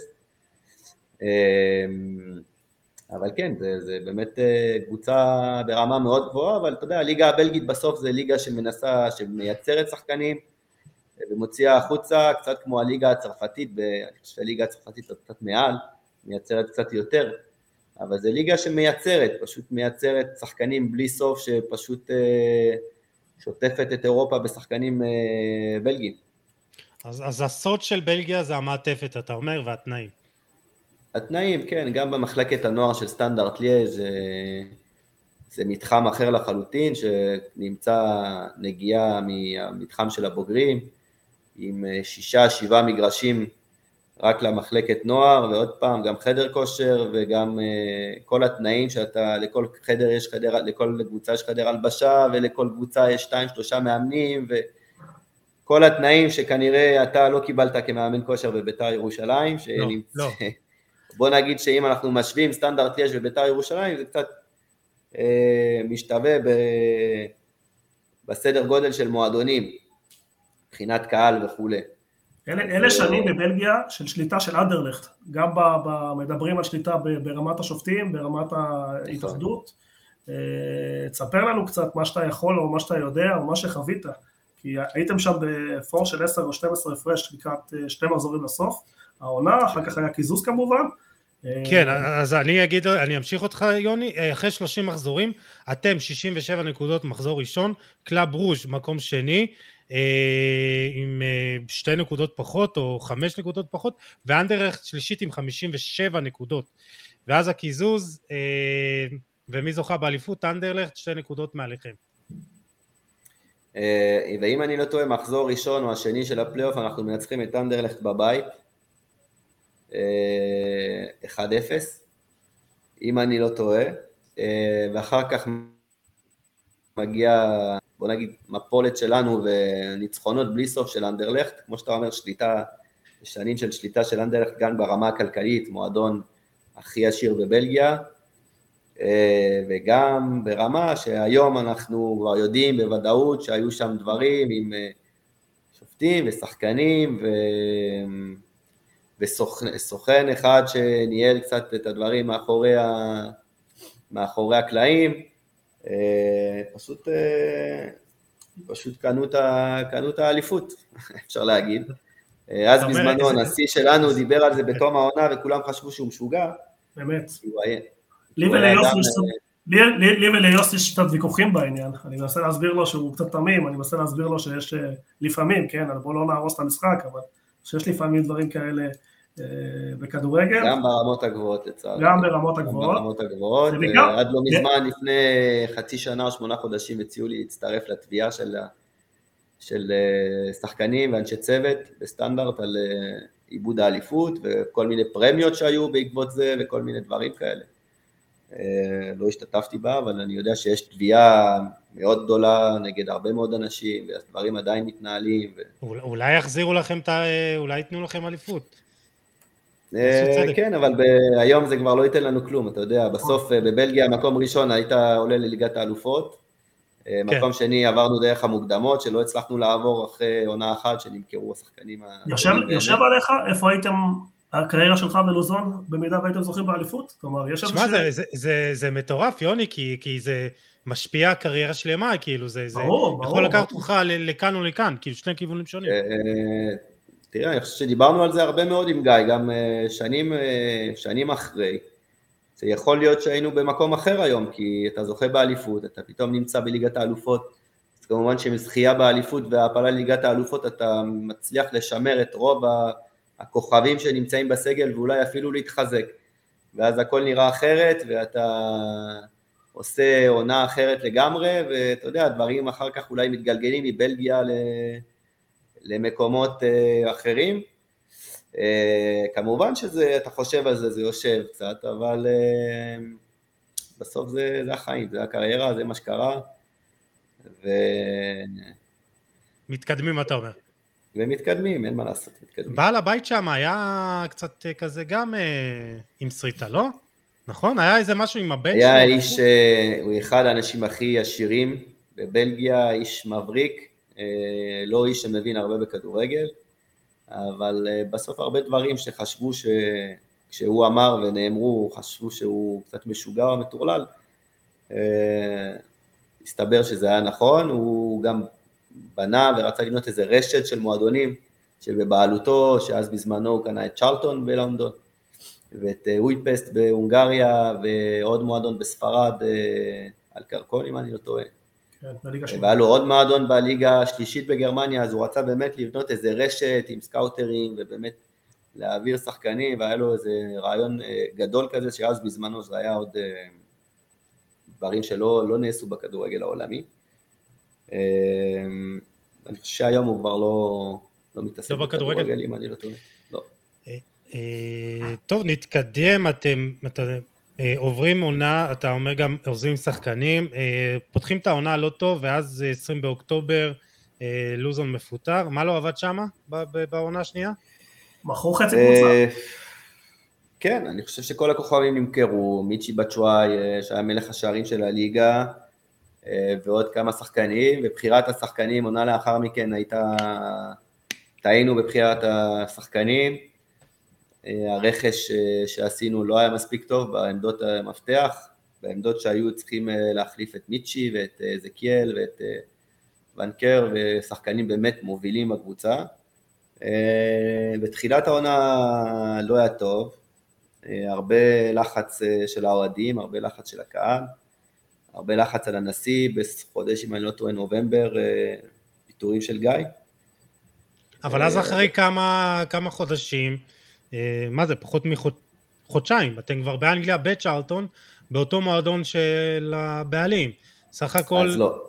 אני, אני באותו יום שגיא פוטר, לוקח את הדברים שלי, הולך הביתה, אה, אני יושב עם גיא ושואלים את עצמנו מה לעשות, ובערב אני מקבל שיחת טלפון מהנשיא של סטנדרט ליאז' ש... שהורה לי להישאר במועדון. אומר לי, הבנתי שהלכת הביתה היום, לפני האימון, אני רוצה שתישאר כדי uh, להכין את המאמן הבא שיהיה וכדי שתישאר חלק מהצוות. Um, כמובן שבהתייעצות עם גיא, uh, הוא אמר לי שמבחינתו זה בסדר ואני יכול להישאר, מאוד היה חשוב לי להיות נאמן למאמן שהגעתי איתו, אבל בסוף, אתה יודע, זאת הייתה פרנסה ומקום שבאמת אהבתי ונהניתי לעבוד בו, אה, אה, אז אני המשכתי, סיימתי את העונה השנייה בעצם, עבדתי עם עוד אה, ש... שני מאמנים אם אני לא טועה, ואפילו פתחתי את העונה השלישית שלי, עשיתי את כל ההכנה עם סטנדרט ליאז' ובסוף ההכנה של העונה השלישית אני חברתי לגיא בצ'רלטון, שהוא בינואר של עונה קודמת עבר לצ'רלטון, כן. הקבוצה בליגה, ואני חברתי אליו בתחילת העונה השלישית שלי בחו"ל. שם גם היו אה, כוכבים גדולים, אה, כמו ג'ו גומס אה, הצעיר. כן, ג'ו גומס... שהוא העלה אותו, גיא העלה אותו מהנוער בעצם, או מהקבוצת ב' להרכב. ג'ו גומס וניק פופ השוער, וגודמנסן. ניק פופ שוער בניוקאסל. כן, היה גם אה, עוד שוער מפורסם. של הנבחרת. כן, כן, יש את אה, דימיטרוביץ', לא? השוער של סיביליה היום, השוער השני של סיביליה. דימיטרוביץ'. היה בטוח. שהוא בעונה אולי עם גיא, לא בעונה שלי. כן, בעונה ראשונה עם גיא. כן, אה, עוד שחקן שהיום משחק ב... הבלם של ורדר ברמן, לא? הסרבי, הבלם. בייקוביץ', בייקוביץ'? זה גם אולי לא בעונה שלי, אבל היה עוד צעיר שהעלינו מהנוער שהיום כבר משחק בפרמייר ליג באופן קבוע, שכחתי אפילו את שמו, שאני אוהב אה, לראות אותו משחק, שהיה אז בן 16 וחצי או 17 שגם העלינו אותו מהנוער, ויש גם את אה, אריבו שמשחק היום בעוד גם מועדון בפרמייר ליג, אה, בווסטהאם גם, אם אני לא טועה, אז כל מיני שחקנים. טל הגיע גם לשם, הוא הגיע איתך או בעונה לפני? לא, טל היה בעונה לפני. אוקיי. טל העונה באה לפני, וכמובן היו, היה את אלוד ירה, שבשבילי היה קפטן נבחרת צרפת, שהוא קרא לי קואוץ', אה, ויש לי גם סיפור מצחיק, שנבחרת צרפת היו פה במשחק נגד נבחרת ישראל בשנת 2000 אה, וקצת, לא זוכר מתי היה המפגש הזה, שנת 2000 או 2000 ו... לא, 2004 אם אני לא טועה. אה, יש לי תמונה של ילד קטן שאני מצטלם עם אלוד ירה. ושנים לאחר מכן הוא קורא לי קואוץ' בצ'רלטון, אז זה היה... איזה גדול, איזה גדול. הוא באמת היה דוגמה, ודוגמה למה זה להיות מקצוען ולכבד את המקצוע, וחוויה, פשוט חוויה השחקן הזה. אמ, אתם אה, באנגליה וזה צ'מפיונשיפ, וגם צריך להבין שהצ'מפיונשיפ זה גם תנאים מדהימים, אה, מתקנים מדהימים, אה, מה אתם מוצאים שם בצ'ארטון? מה אתה מוצא? אני חושב שמבחינת אה, תנאים זה היה בדיוק שצ'רלטון בונה מתקן אימונים חדש, היו כמובן אה, מגרשים בלי סוף ותנאים טובים, אבל קצת אה, יותר מיושן מסטנדרט ליאז'. בצ'מפיונשיפ זה באמת שונה לגמרי, כי אתה כל שלושה ימים, כל ארבעה ימים במשחק, נוסע באוטובוס עשר שעות, או ברכבות, או ב...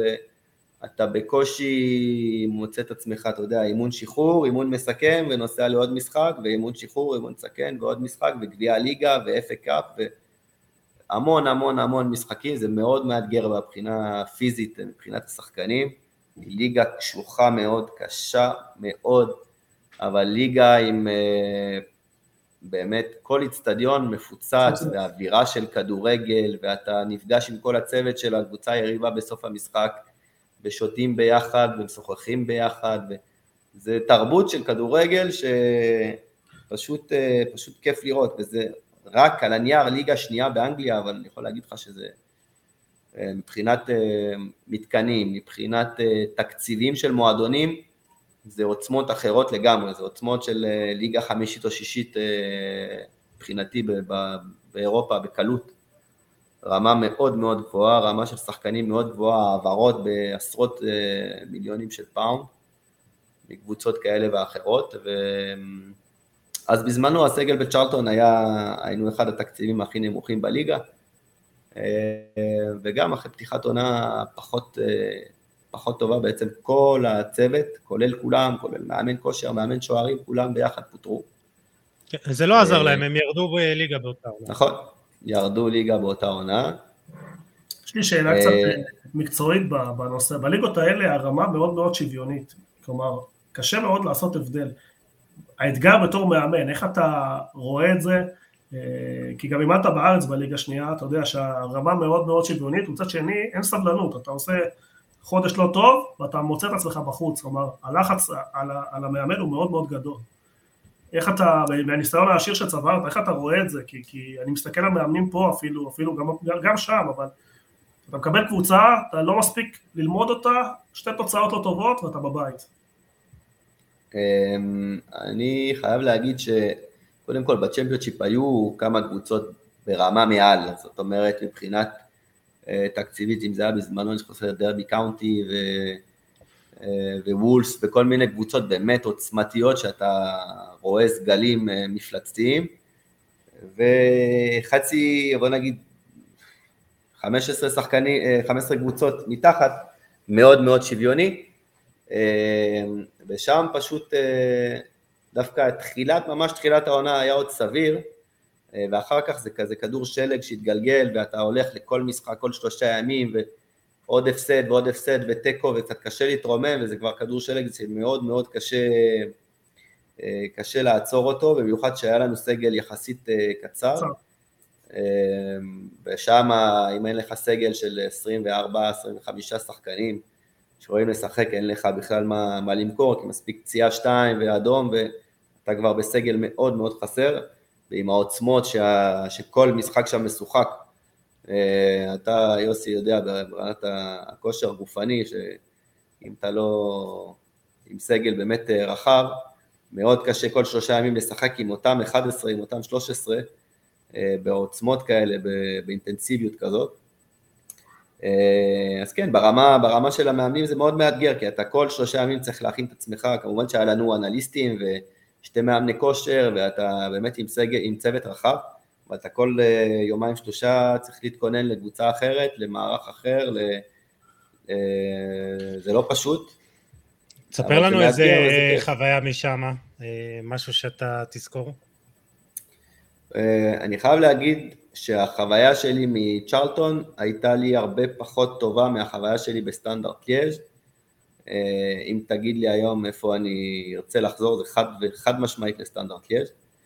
צ'רלטון עוד לא הספקתי בוא נגיד להתאקלם, שאני כבר, אה, שכבר פוטרנו והייתי שם מעט מאוד זמן, אם זה חושב ארבעה חודשים, משהו כזה, אז מתוך זה חייתי חודשיים בבית מלון, אה, אז באמת היה, היה בקטע הזה קצת, אה, קצת חבל לי, אבל אה, אם אני צריך לזכור חוויה, אני זוכר את, ה, את יום כיפור, שכמובן אני צם, והיה לנו בצאת הצום משחק נגד קריסטל פלאס בגביע, בלונדון, באצטדיון של קריסטל פלאס. אני עשיתי כיפור לבד בחדר, אכלתי ארוחה מפסקת באיזה מסעדה הודית אה, ליד הבית מלון, שהאוכל לא היה משהו בלשון המעטה. אה, עברתי את כל כיפור בחדר לבד בין ארבע קירות, שהחדר הייתה, הדלת הייתה דלת חשמלית, אז קצת אה, לא רציתי לצאת מהחדר. ובצאת הצום הגיע אלינו נהג, ולקח אותנו ישירות למגרש, והמשחק כבר היה דקה, אני חושב דקה חמש עשרה, ונכנסנו ככה אה, באמצע המשחק, שהתוצאה הייתה עוד 0-0, אה, אבל אה, נגד קבוצה מהפרמייר ליג, אז קריסטל פאלאס עם יואן קבאי, שעוד הספקתי לדבר איתו קצת בצרפתית אחרי המשחק ולקחת את החולצה שלו. אבל כן, חוויה לשחק, אתה יודע, נגד קבוצה מהפרמייר ליג, נגד שחקנים שאתה רגיל לראות בצ'רלטון בספורט אחד או בספורט שתיים. נחמד, נחמד, חוויה טובה. אה, טוב, אנחנו נתקדם, אתם עוזבים, אה, ואז אה, אתה יודע, אתה מגיע לאשדוד, מקבל סוף סוף את המינוי הראשון שלך כמאמן ראשי, ונקפוץ עוד קצת קדימה להפועל ירושלים. תשמע, אחרי שנה וחודשיים אתה מקבל קבוצה בליגה הלאומית, מרץ, המצב שלנו היה אז אנוש עד, כאילו, זהו, נגמר, אבל תשמע, אתה מקבל הזדמנות של... מאמן ראשי ב- בליגה לאומית, ליגה שנייה, שאתה בסך הכל, אתה יודע, השנה השנייה שלך כמאמן אה, ראשי, אה, זו הייתה הזדמנות ענקית, אה, אבל אתה יודע, אולי נכנסת לאיזו סיטואציה שאתה יודע, סוף ידוע מראש. אה, כן, עשיתי שנה וחצי באשדוד, בליגת העל לנוער, אה, כמאמן ראשי, ואז אני מקבל את ההזדמנות הזאת בהפועל ירושלים, אתה היית אז בזמנו בצוות כמאמן כושר, כן. המצב, הגעתי בעצם שמונה מחזורים אחרונים, היה לנו משחק, אחד בעפולה אם אני לא טועה, ואז פלייאוף תחתון, שבעה מחזורים אחרונים, שאני הגעתי היינו מקום אחרון. נכון? תקן אותי אם אני, כשאני טועה, תקן אותי, כי אתה פה... לא, אני, אני זוכר שהמצב היה חמור, אני, זיכרון שלי זה. המצב שלנו היה חמור, והגענו למצב של... אה, עם 30 שחקנים, כן. שלא כל כך אה, יודעים את מקומם בחדר הלבשה, ואני בשבוע הראשון שחררנו, אני חושב, איזה חמישה או שישה שחקנים, וצריך גם להתמודד עם מצב כלכלי של המועדון לא פשוט.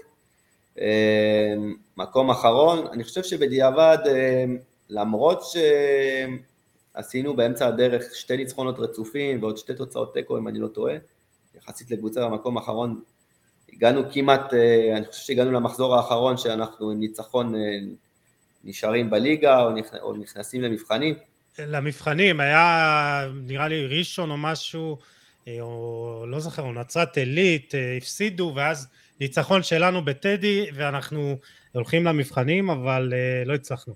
אני ישבתי נכון, ביציע, הופעתי משחק לפני כן. כן, כן. טוב, אתה אהבת לצעוק על השופטים. אני, אני יודע, מי, אה, זה היה ארז פפיר נראה לי, העיף אותי, או זיו אדלר נראה לי. לא משנה, אבל זה כבר לפעם אחרת. אה, כן, אני חושב שהיום אני מסתכל אחורה, ואני חושב שבאמת הייתי מאמן צעיר, אה, כמעט בלי ניסיון, וכמו שאתה אומר, בסוף ירידת ליגה רשומה על שמי, כי אני המאמן שרשום במחזור האחרון בהפועל ירושלים, אבל בדיעבד אני לא הייתי לוקח את התפקיד הזה, כי להגיע במצב כל כך אנוש, בסגל שחקנים, עם מצב של המועדון שהיה באמת לא טוב בזמנו, אתה יכול להעיד אה, אם זה מצב המגרש האימונים, או מצב התשלום אה, משכורות, אה, באמת היה מצב לא פשוט, אבל אני חושב שהרמנו קצת את הקבוצה, ובסוף, בסוף, בסוף נפלנו במאני טיים. היום אני מסתכל אחורה, אני באמת הייתי מאמן צעיר בלי הרבה ניסיון,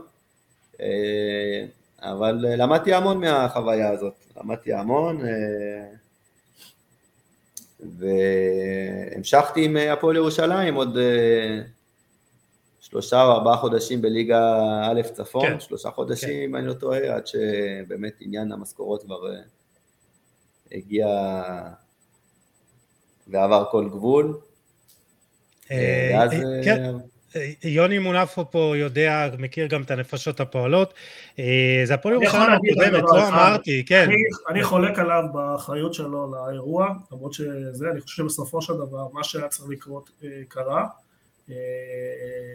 אני מכיר טוב את הדברים, אני מכיר טוב כמה חודשים שחקנים שיחקו בלי משכורות או קיבלו חלקי.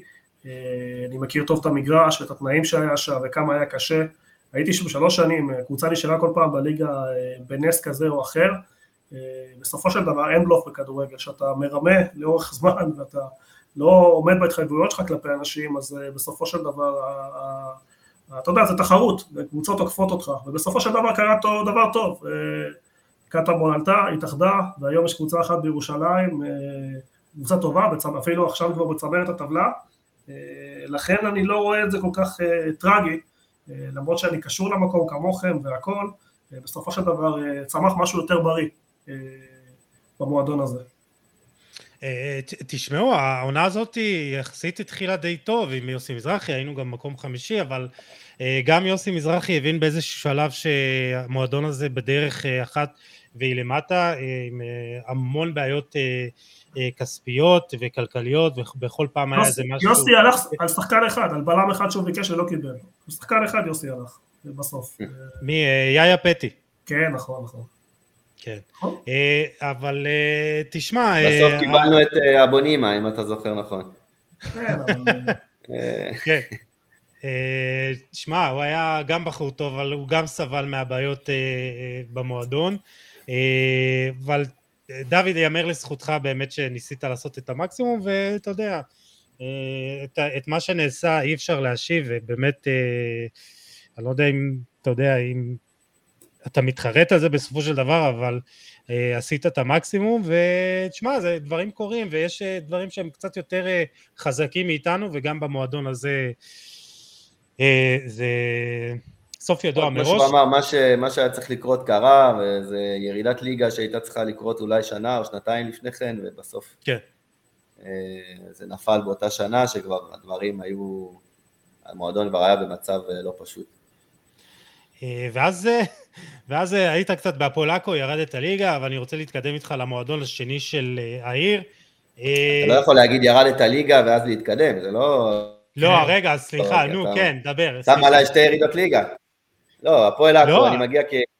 רק, אני שם, שם מדגיש שאני מגיע כעוזר מאמן, והיינו בליגת העל, זה לא הפועל עכו בליגה לאומית, זה הפועל עכו שהייתה אז בליגת העל, גם עם מועדון אה, ותקציב מאוד צנוע, וגם, אה, בוא נגיד, מה שהיה צריך לקרות מבחינת, אה, מבחינת סגל שחקנים ומועדון קרה, ו, וכן ירדנו, ב, ירדנו באותה ליגה מליגת העל לליגה לאומית.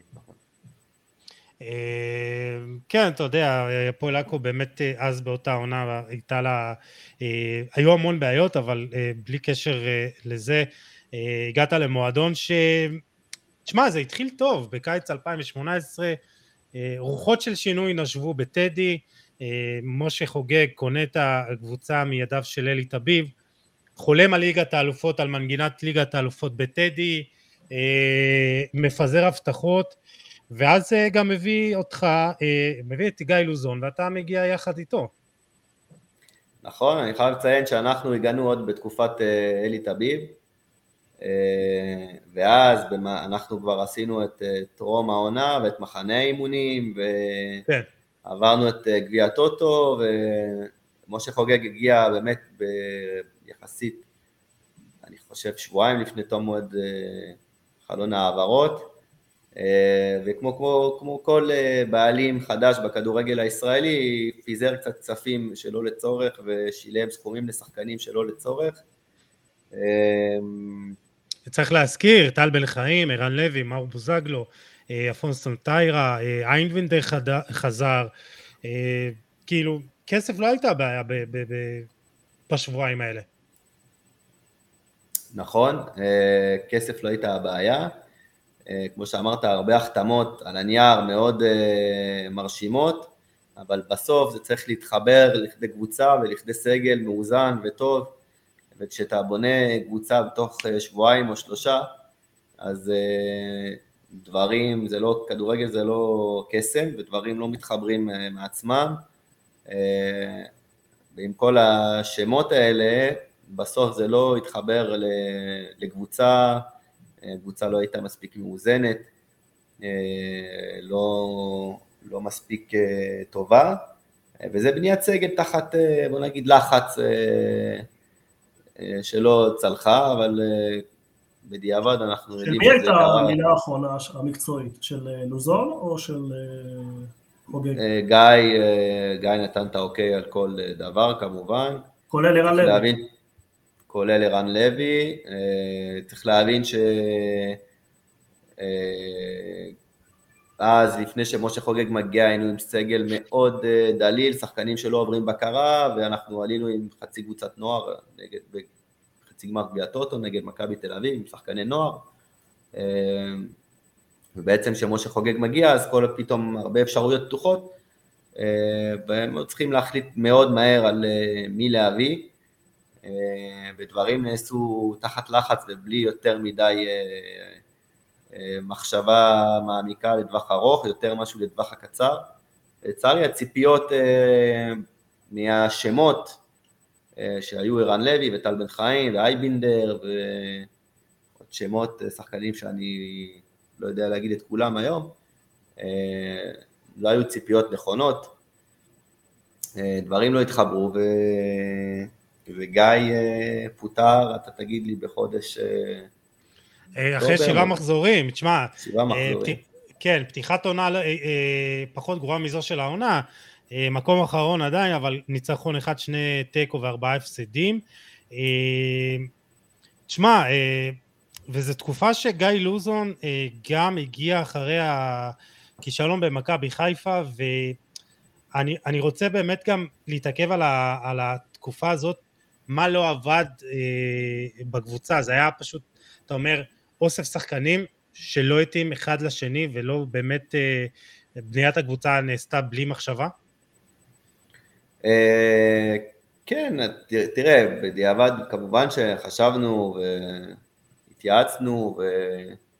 אבל גם משה חוגג מאוד אהב את השמות ומאוד אהב, מאוד רצה להביא שמות שהוא כאילו אהד, אם זה ערן לוי, אם זה טל בן חיים, אם זה שחקנים כאלה. והדברים לא התחברו, חשבנו שכן הדברים יכולים לעבוד ולהתחבר. בסופו של דבר זה, זה לא צלח, אתה יודע, גם אתה מכיר את בית"ר, הלחץ של הקהל. אז תאר לנו את הלחץ הזה, מה, מה הרגשתם אז? כאילו כל משחק זה חצים? תראה, זה כמו, אני משווה את זה קצת אה, לנבחרת, שיש כל הזמן הרבה מאוד ציפיות, ולפעמים הציפיות לא תואמות למה שיש בפועל, או מה שיש בה לנייר.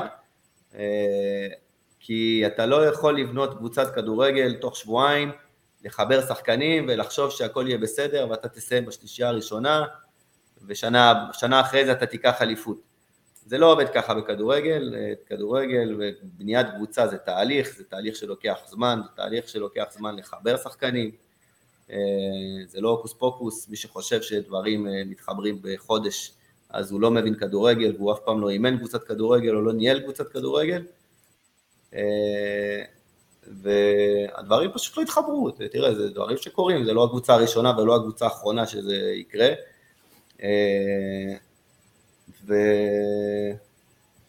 וכמובן שהקהל דוחף, באמת שהקהל של בית"ר דוחף, זו דחיפה וואו, גם באימונים, הם באים לכל אימון ודוחפים ורוצים, וכשהקהל גם אה, יודע לתת אה, דעתו וגם בסוף לפעמים זה גם מלחיץ את השחקנים.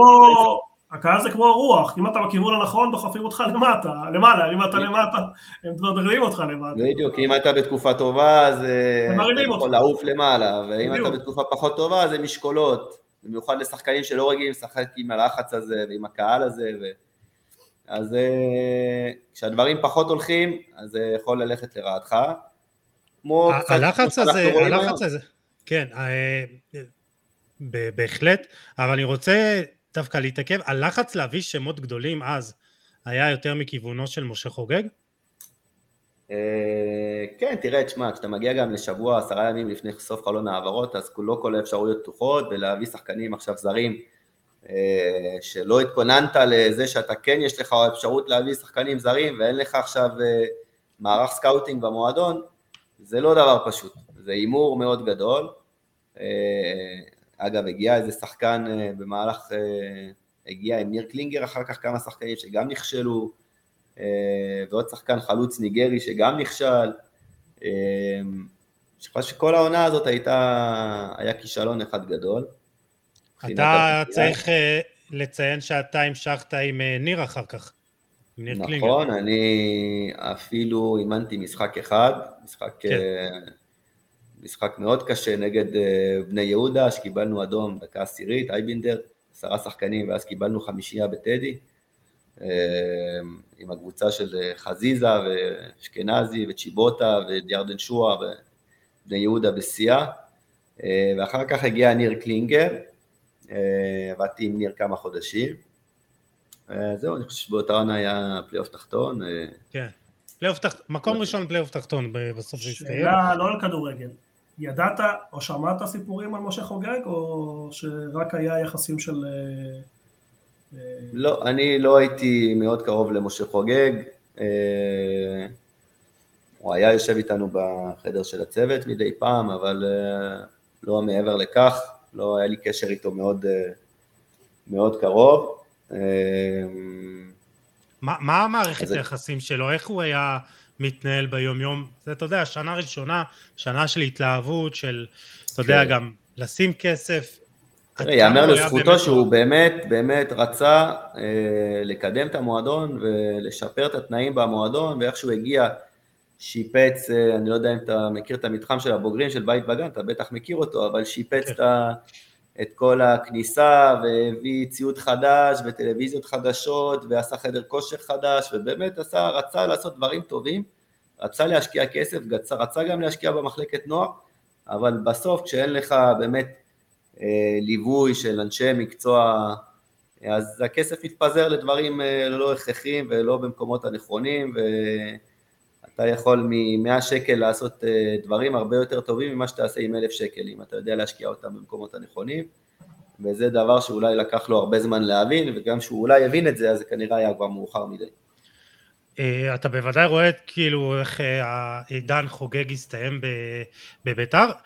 ראו אז בשנה הראשונה איזה ניצנים של, בוא נגיד ככה, ש... שבמידה ודברים לא ילכו אז הוא פשוט, אתה יודע, יזוז אחורה? כאילו ראו איזה ניצנים של דברים שהם, אתה אומר בואנה עכשיו אני שם לב לזה? לא, לא, אני חייב להגיד לך שבשנה הראשונה שאני הייתי, זה היה, אתה יודע, תמיד שנה ראשונה זה הרבה אפי אפי ואפי אפי, ואתה, הוא כן. היה מגיע המון, היה מגיע הרבה לאימונים, וכל הזמן מצב רוח וכל הזמן מחוייך, וגם כשהוא מדבר עם השחקנים הכל היה חיובי, הוא לא היה מתערב מקצועית אף פעם, אה, הוא היה באמת רוצה להצליח כבעלים של קבוצה גדולה בישראל.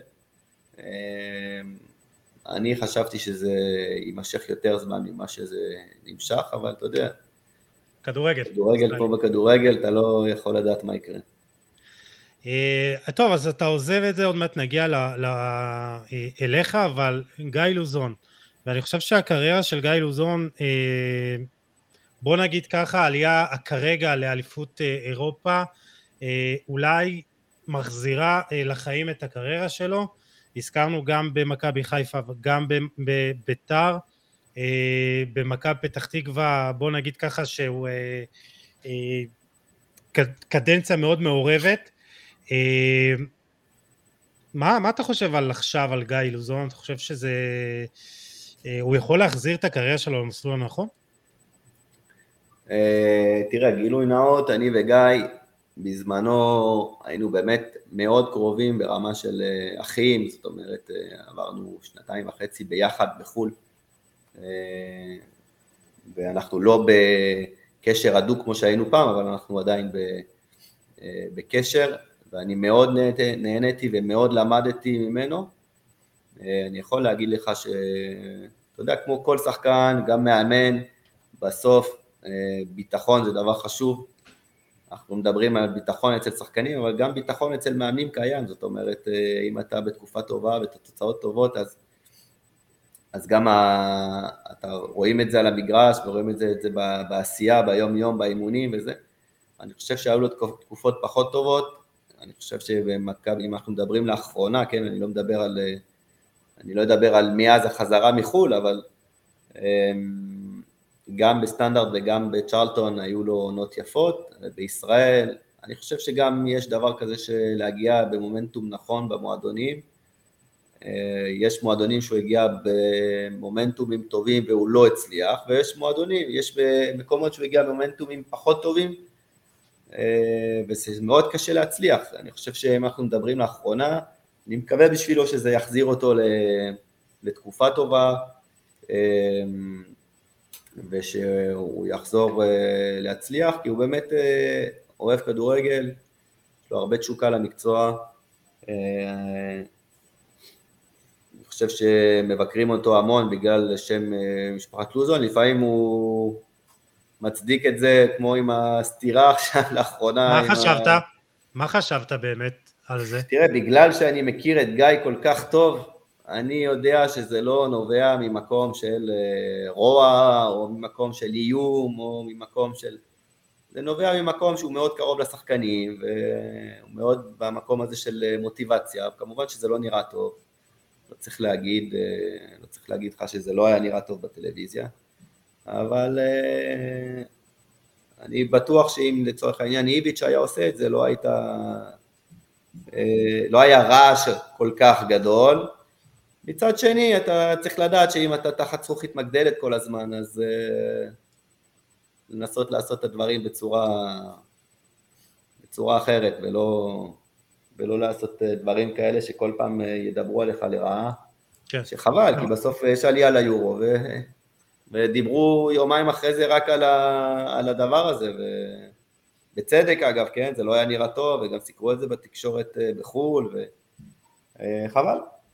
אה, אתה, אתה יכול, אה, אני רוצה דווקא להתחבר, להגיע לביקורת אולי המקצועית על המשחקים שלו מאז שהוא חזר, ראינו את זה גם במשחקים האחרונים במוקדמות, באמת שגם סן מרינו, גם הפסד ללטביה, אה, ובוא נגיד ככה, גם המשחק הראשון באירלנד זה היה משחק שהוא, אה, אם הורגלנו מהנבחרת הצעירה, גם בזמנו של אלון חזן וגם מנבחרת הנוער, וזה מתקשר לי למה שהתחלנו בתחילת הפרק, דיברנו עליו, על המשחק הלחץ, יכול להיות ש... אתה, אתה מבין את הביקורת על סגנון המשחק של אה, גיא לוזון? אני מבין, אני חושב שהנבחרת לא נראית טוב במשחקים שהוא אימן אותה כרגע, אני בטוח שהוא גם יודע את זה, אה, הוא מאוד ביקורתי כלפי עצמו, אה, בסוף במבחן התוצאה הם עלו, אבל כמובן שהנבחרת לא נראית טוב. עכשיו, כשאתה מגיע, הוא הגיע לפני המשחק נגד לטביה? נגד לטביה, כן. נגד לטביה. אז הוא כנראה העביר שתיים או שלושה אימונים לפני המשחק הזה. קשה מאוד להעביר דרך, קשה מאוד לשנות משהו אחרי שתיים או שלושה אימונים. זה אך ורק נטו בחירת שחקנים ואיפה להעמיד אותם במגרש. אה, אני חושב שאפשר לבוא בטענות למאמן בקבוצה אחרי, בוא נגיד חודשיים, שלושה, במקרה הטוב, אם לא רואים דרך. בנבחרת זה, אתה יודע, זה דברים שבסוף אה, צריך לעבוד עליהם קצת יותר משתיים, שלושה אימונים. אה, כמובן שהנבחרת לא נראית טוב וכל הביקורות הן מוצדקות, ואני בטוח שהוא גם מסכים עם הביקורות. כי, כי, כי אני אגיד לך מה, זה גם מתקשר למה שדיברנו על דשאן, על סגנון המשחק הקצת יותר הגנתי שלו. אתה חושב שגיא, אה, כן, אתה חושב שגיא עשה את ההתקדמות הזאת? כי, אתה יודע, אנחנו מדברים כל הזמן על אבולוציה של איך שהמשחק מתקדם. אם, כן. בוא נגיד ככה, אנחנו קצת יורדים לרזולוציות, גיא, גיא מאוד אוהב את ה-442 קווים, גם אני זוכר שבאמת, כן. אז באתי לדבר על זה שאתה יודע, כמו שאני היום שונה ב... באמת, אני, אם אתה זוכר אותי מהפועל ירושלים, אני יכול להגיד לך, אני מאמן אחר לגמרי, עם אה, שיטות אחרות לגמרי היום, והתפתחתי והתקדמתי, ואני רואה את הדברים אחרת ממה שהייתי רואה אותם לפני עשר שנים. אני בטוח שגם הוא השתנה, בתקופה בסטנדרט היה 4-4-2 קווים, אתה יודע, זה גם דברים שגם, אה, שמתפתחים עם הזמן. אה, היום הייתה תקופה של ה... 5-3-2 של איטליה, שכולם רצו לשחק כף 5, היום אנחנו רואים הרבה קבוצות ב-3-4-2-1, לפעמים זה התקופה של ה-4-4-2 יהלום שהולך, ואתה יודע, זה הרבה דברים שהולכים ומעתיקים ממה שנעשה בעולם ובקבוצות הגדולות ובנבחרות הגדולות. אני לא יודע להגיד לך היום, כי אני לא עבדתי עם גיא בתקופה ארוכה, מה הסגנון שלו ומה... אמ, אבל אני יודע שהוא מאוד אוהב אה, לחץ גבוה, אני יודע שהוא מאוד אוהב אינטנסיביות במשחק. יכול להיות שזה דברים שקצת פחות אה, ראינו וקצת אה, הלכו, בוא נגיד, על התוצאה ועל ה... רצו פשוט לעלות. כן, במיוחד במשחק הראשון. לא לקחת סיכונים, בוא נגיד ככה. אז אתה אומר, אתה, אתה אופטימי לגבי הקריירה שלו, ויכול להחזיר אותה מסלול אני טוב. אני מקווה בשבילו שהוא יחזור, אתה יודע, בסוף אה, בישראל האפשרויות הן מצומצמות, הוא כבר אימן במכבי חיפה, אימן בביתר ירושלים, אימן בהפועל תל אביב. אה, אני מקווה שהוא ימצא את הפרויקט אה, שייתנו לו לעבוד ולפתח שם משהו טוב.